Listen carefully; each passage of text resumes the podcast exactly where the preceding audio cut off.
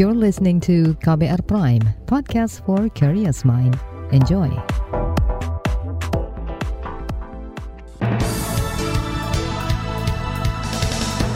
Halo saudara, selamat pagi. Senang sekali kami bisa menjumpai Anda kembali melalui program Buletin Pagi KBR edisi Rabu 23 Februari 2022. Bersama saya Agus Lukman, sejumlah informasi pilihan telah kami siapkan. Di antaranya ditemukan makin banyak modus pelanggaran distribusi minyak goreng di Indonesia. Dalam dua bulan ini, 80-an balita meninggal akibat COVID-19. KPK menyita sejumlah aset Bupati Probolinggo, Jawa Tengah. Inilah Buletin Pagi selengkapnya. Terbaru di Buletin Pagi. Saudara, kelangkaan minyak goreng masih belum tertangani di mana Kementerian Perdagangan juga mengklaim terus memantau stok dan harga minyak goreng di berbagai lokasi. Operasi pasar terus digelar di sejumlah daerah dengan menjual minyak goreng baik kemasan maupun curah dengan harga terjangkau langsung ke masyarakat. Menteri Perdagangan Muhammad Lutfi menegaskan operasi pasar akan terus dilakukan di seluruh provinsi hingga menjelang Idul Fitri pada awal Mei mendatang. Sementara itu, di tengah upaya mengendalikan harga minyak goreng yang makin panas, sejumlah institusi menemukan kasus dugaan pelanggaran distribusi minyak goreng di Indonesia. Di Makassar ini sejumlah sekitar 61,18 ton minyak goreng curah. Ini sumbernya asalnya dari Kalimantan Selatan masuk ke Makassar. Peruntukan minyak goreng curah ini adalah untuk kebutuhan rumah tangga, ya, untuk kebutuhan rumah tangga. Tetapi oleh pelaku ini dialihkan ke industri. Ini harganya lebih mahal daripada uh, curah tadi. Itu tadi pernyataan dari Kepala Satuan Tugas atau Satgas Pangan Mabes Polri Helmi Santika mengenai salah satu modus penyelewengan distribusi minyak goreng di Sulawesi Selatan yang baru-baru ini ditemukan. Aparat kepolisian juga menemukan modus lain berupa penimbunan stok minyak goreng hingga penjualan minyak goreng palsu, yaitu minyak goreng yang dicampur air. Lembaga Pengawas Pelayanan Publik Ombudsman Republik Indonesia juga menemukan fakta adanya pembatasan pasokan maupun penyusupan stok dari retail modern ke pasar tradisional. Anggota Ombudsman RI YK Hendra Fatika mengatakan kesimpulan itu didapat dari laporan pemantauan langsung perwakilan Ombudsman di daerah. Nah ini terjadi yang jelas pertama pembatasan pasokan, pasokan yang kita lihat disimpan pembatasan pasokan itu indikasinya itu disimpan di gudang-gudang pasar retail modern dan tidak ditampilkan di etalase. Terus juga agen distributor menghentikan pasokan kepada toko retail modern dan ini lokasinya kalau kita lihat lokusnya ada di tujuh provinsi seperti ini dan apakah ini merupakan adanya indikasi penimbunan saya pikir nanti informasi ini akan kami sharekan kepada Satgas Pangan untuk didalami lebih lanjut lagi.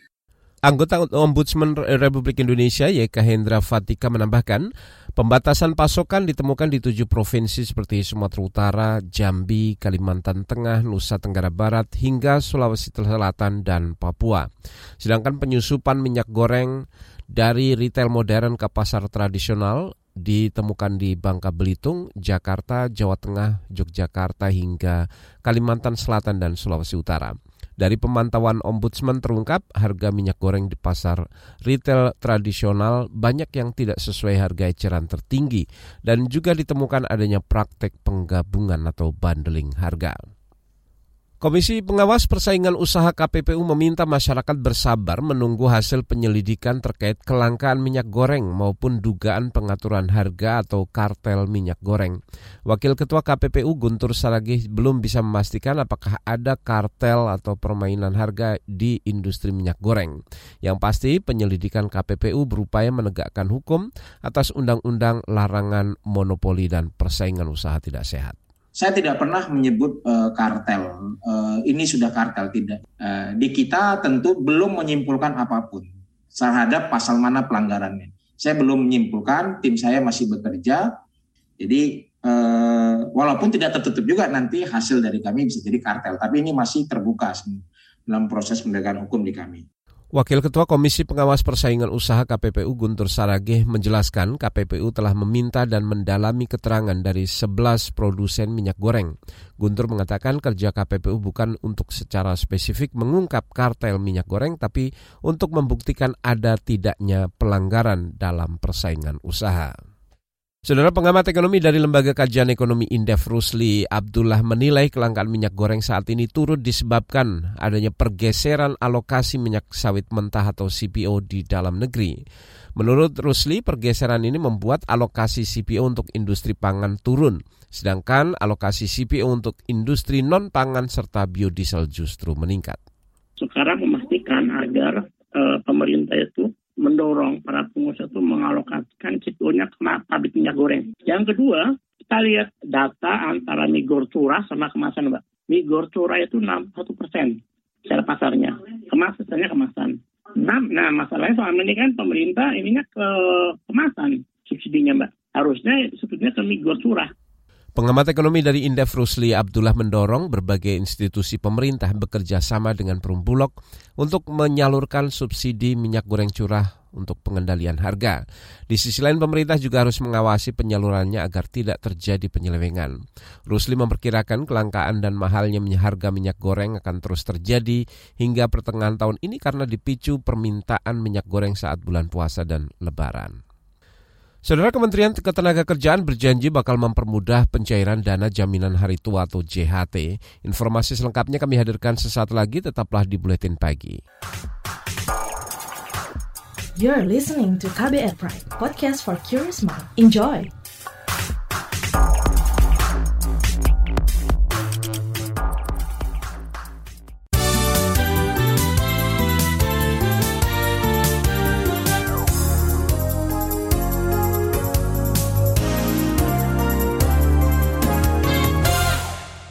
Saudara, Presiden Joko Widodo meminta lembaga Mahkamah Agung tetap memainkan peran penting memberikan kepastian hukum dan kemudahan berusaha di Indonesia.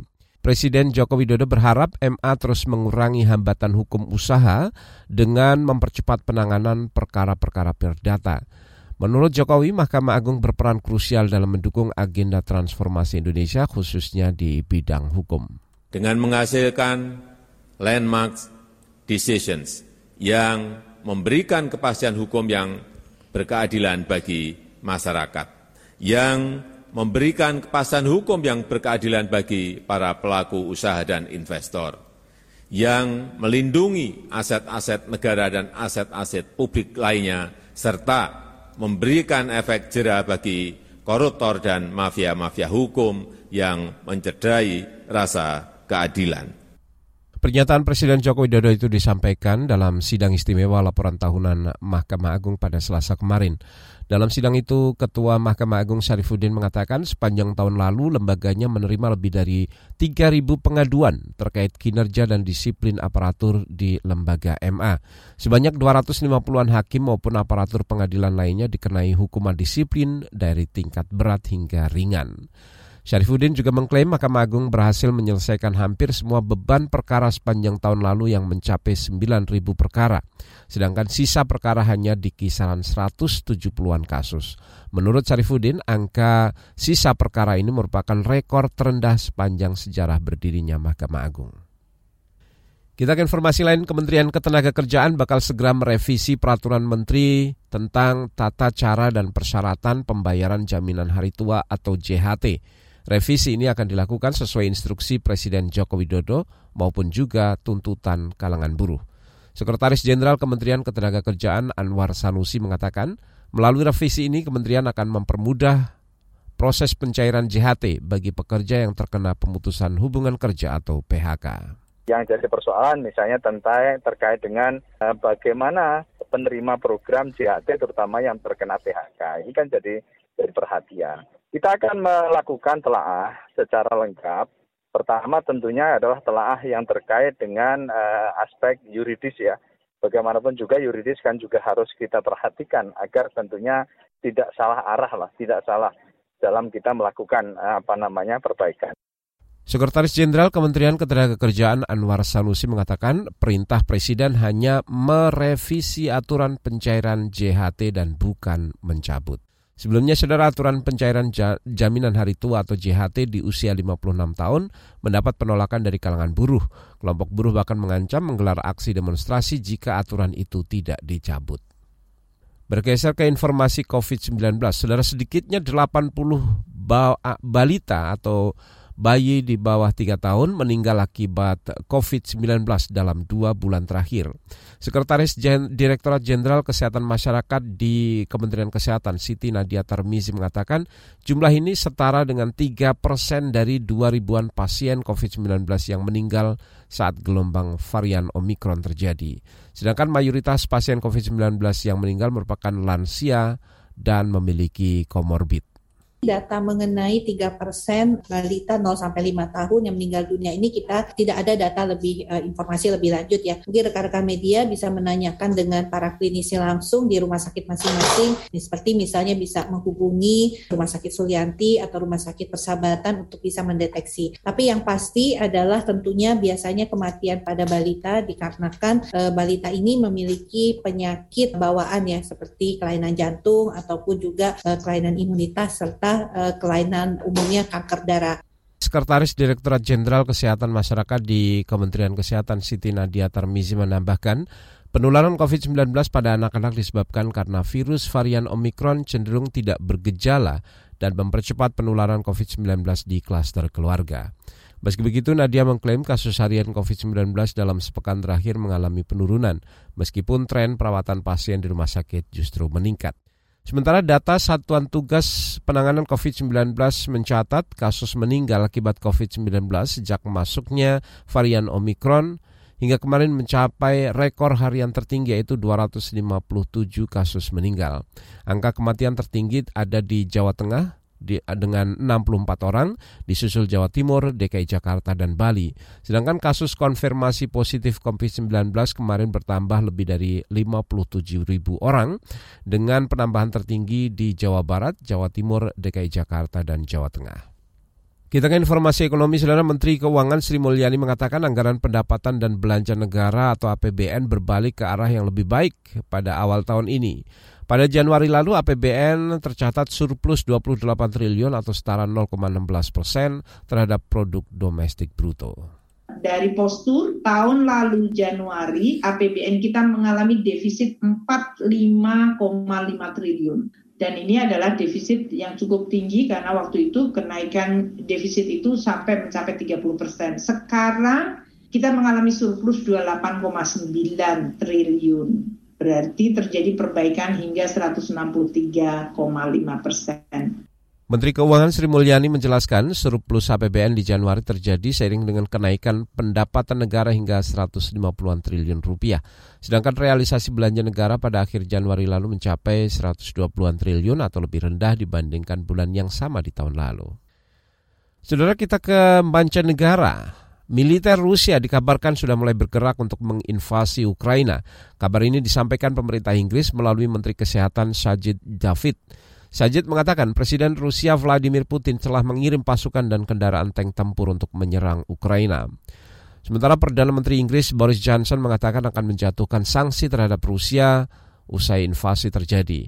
Inggris mengancam akan menutup akses perusahaan Rusia ke Amerika dolar Amerika maupun pound sterling Inggris dan menghalangi Rusia untuk bermodal di London.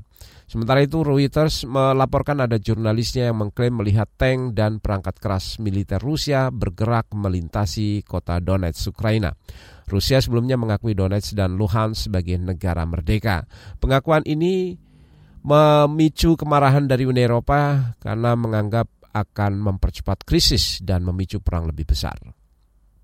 Kita ke informasi olahraga, saudara. Dari ajang Liga Champions Eropa, klub asal Inggris Chelsea menang 2-0 melawan klub asal Prancis Lille di pertandingan pertama babak 16 besar Liga Champions Eropa.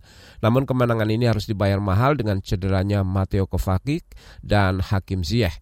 Sementara klub asal Italia Juventus ditahan imbang 1-1 atas klub wakil Spanyol Villarreal. Dengan hasil ini Juventus maupun Villarreal masih sama-sama berpeluang melaju ke babak perempat final. Pada pertandingan berikutnya, Manchester United akan bertandang ke markas Atletico Madrid untuk berebut tiket perempat final Liga Champions Eropa dini hari nanti. Sedangkan klub Belanda Ajax Amsterdam akan menghadapi tuan rumah klub Portugal Benfica. Di bagian berikutnya, saudara kami hadirkan laporan khas KBR mengenai mogok industri tahu tempe karena kedelai. Informasinya kami hadirkan sesaat lagi. You're listening to KBR Pride, podcast for curious mind. Enjoy!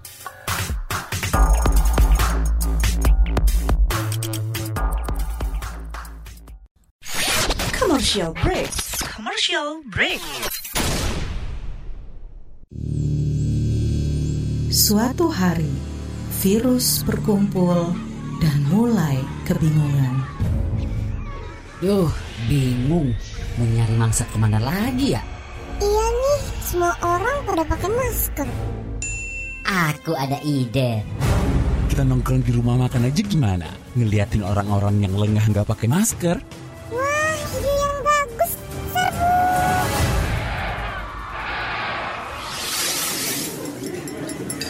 Hati-hati makan bersama saat pandemi. Sebaiknya pilih ruang terbuka, tetap jaga jarak kamu 1,5 meter jika duduk bersebelahan, 2 meter jika berhadapan. Batasi waktu makan bersama 30 menit saja dan jangan berbicara saat makan. Jika sudah selesai, gunakan kembali maskermu ya. Jangan sampai lengah, COVID masih ada. COVID masih ada. Pesan layanan masyarakat ini adalah kampanye bersama media lawan COVID-19.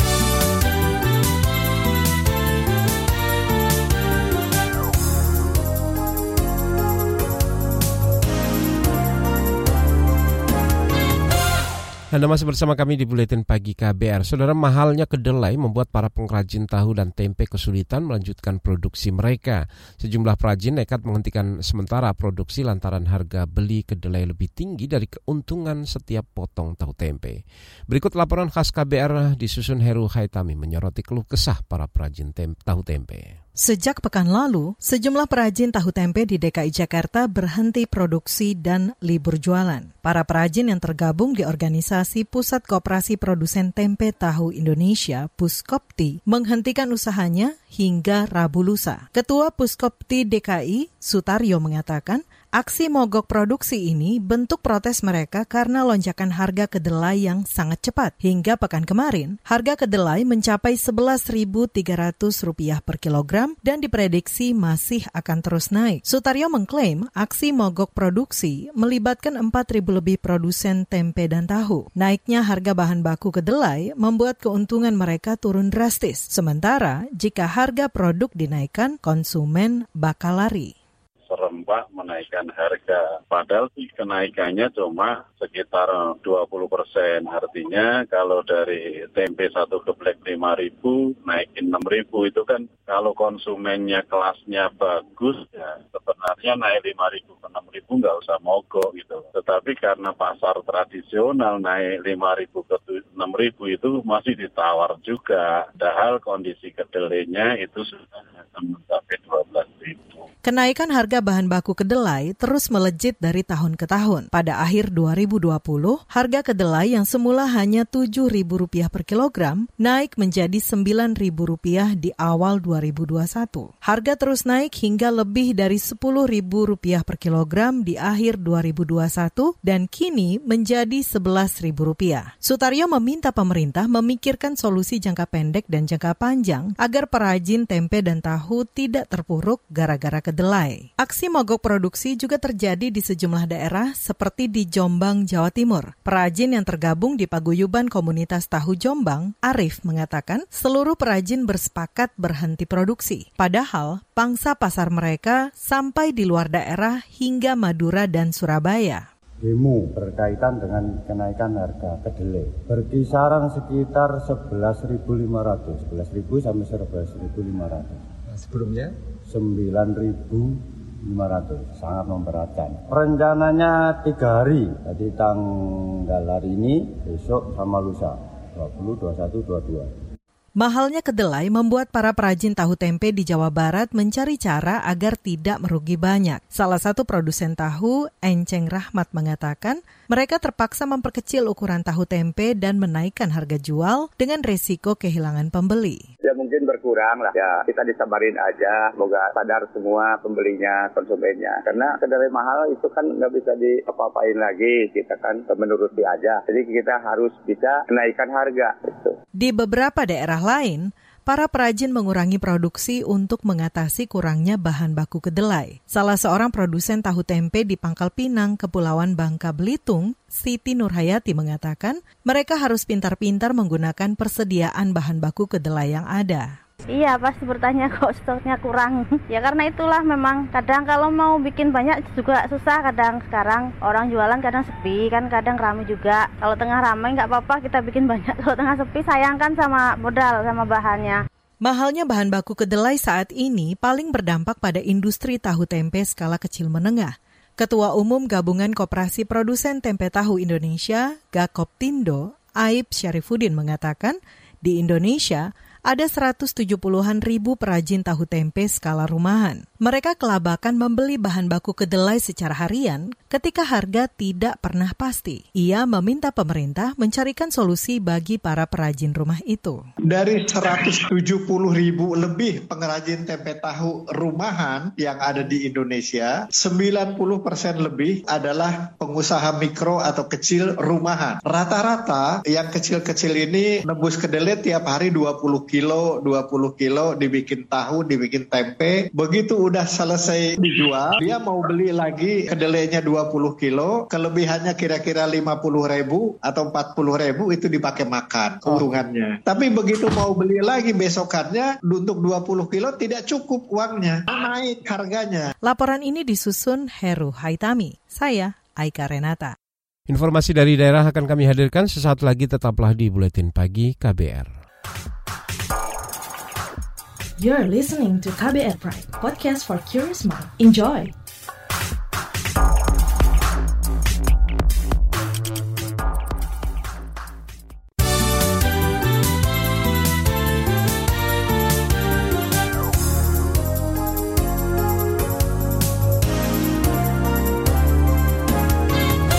Kita berada di bagian akhir buletin pagi KBR. Saudara kita menuju ke Jawa Barat.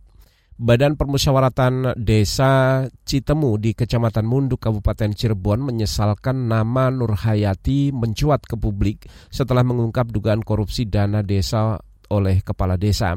Kini Nur Hayati malah ditetapkan sebagai tersangka dalam kasus korupsi yang ia laporkan. Ketua Badan Permusyawaratan Desa Citemu, Lukman Nur Hakim mengatakan awalnya nama Nur Hayati dirahasiakan karena alasan keamanan. Lukman mengatakan BPBD sempat mendapat ancaman dari Kepala Desa Supriyadi saat membuat laporan ke polisi. Sebetulnya Bu Nur Hayati itu tidak melapor langsung ke polisian. Tapi saya sebagai badan permusyawaratan desa yang menampung semua aspirasi desa, baik perangkat, baik masyarakat, saya tampung bahwa Nur Hayat itu pelaporannya ke saya, ke BPD, dan saya rahasiakan. Makanya saya pakailah lembaga BPD untuk melaporkan ke kepolisian. Ketua Badan Permusyawaratan Desa Citemu Cirebon, Lukman Nur Hakim juga menepis pernyataan polisi yang menyebut Nur Hayati bukan pelapor kasus korupsi. Justru Nur Hayati sebagai kepala urusan keuangan desa merupakan saksi yang paling tahu mengenai dugaan korupsi tersebut. Kita ke Jawa Timur, Saudara Komisi Pemberantasan Korupsi KPK menyita aset senilai puluhan miliar rupiah milik Bupati Probolinggo nonaktif Puput Tantrianisari dalam kasus dugaan tindak pidana pencucian uang. Juru bicara KPK Ali Fikri mengatakan aset itu meliputi empat bidang tanah di Kabupaten Probolinggo. Sejauh ini, seluruh nilai aset yang telah dilakukan penyitaan oleh tim penyidik KPK sekitar senilai 50 miliar rupiah dan penyidikan terkait dengan tindak pidana pencucian uang ini terus kami lakukan dengan mengumpulkan bukti-bukti termasuk tentu pendalaman terhadap dugaan adanya aset-aset yang dimiliki oleh para tersangka. Juru bicara Komisi Pemberantasan Korupsi KPK Ali Fikri juga mengimbau masyarakat melaporkan bila mengetahui ada informasi dugaan aset milik Bupati Probolinggo nonaktif Puput Tantrianisari. Kini Puput sudah ditetapkan sebagai terdakwa dalam perkara dugaan suap di lingkungan pemerintah Kabupaten Probolinggo. Informasi tadi saudara menutup jumpa kita di Buletin Pagi hari ini. Saya Agus Lukman, kami undur diri. Salam.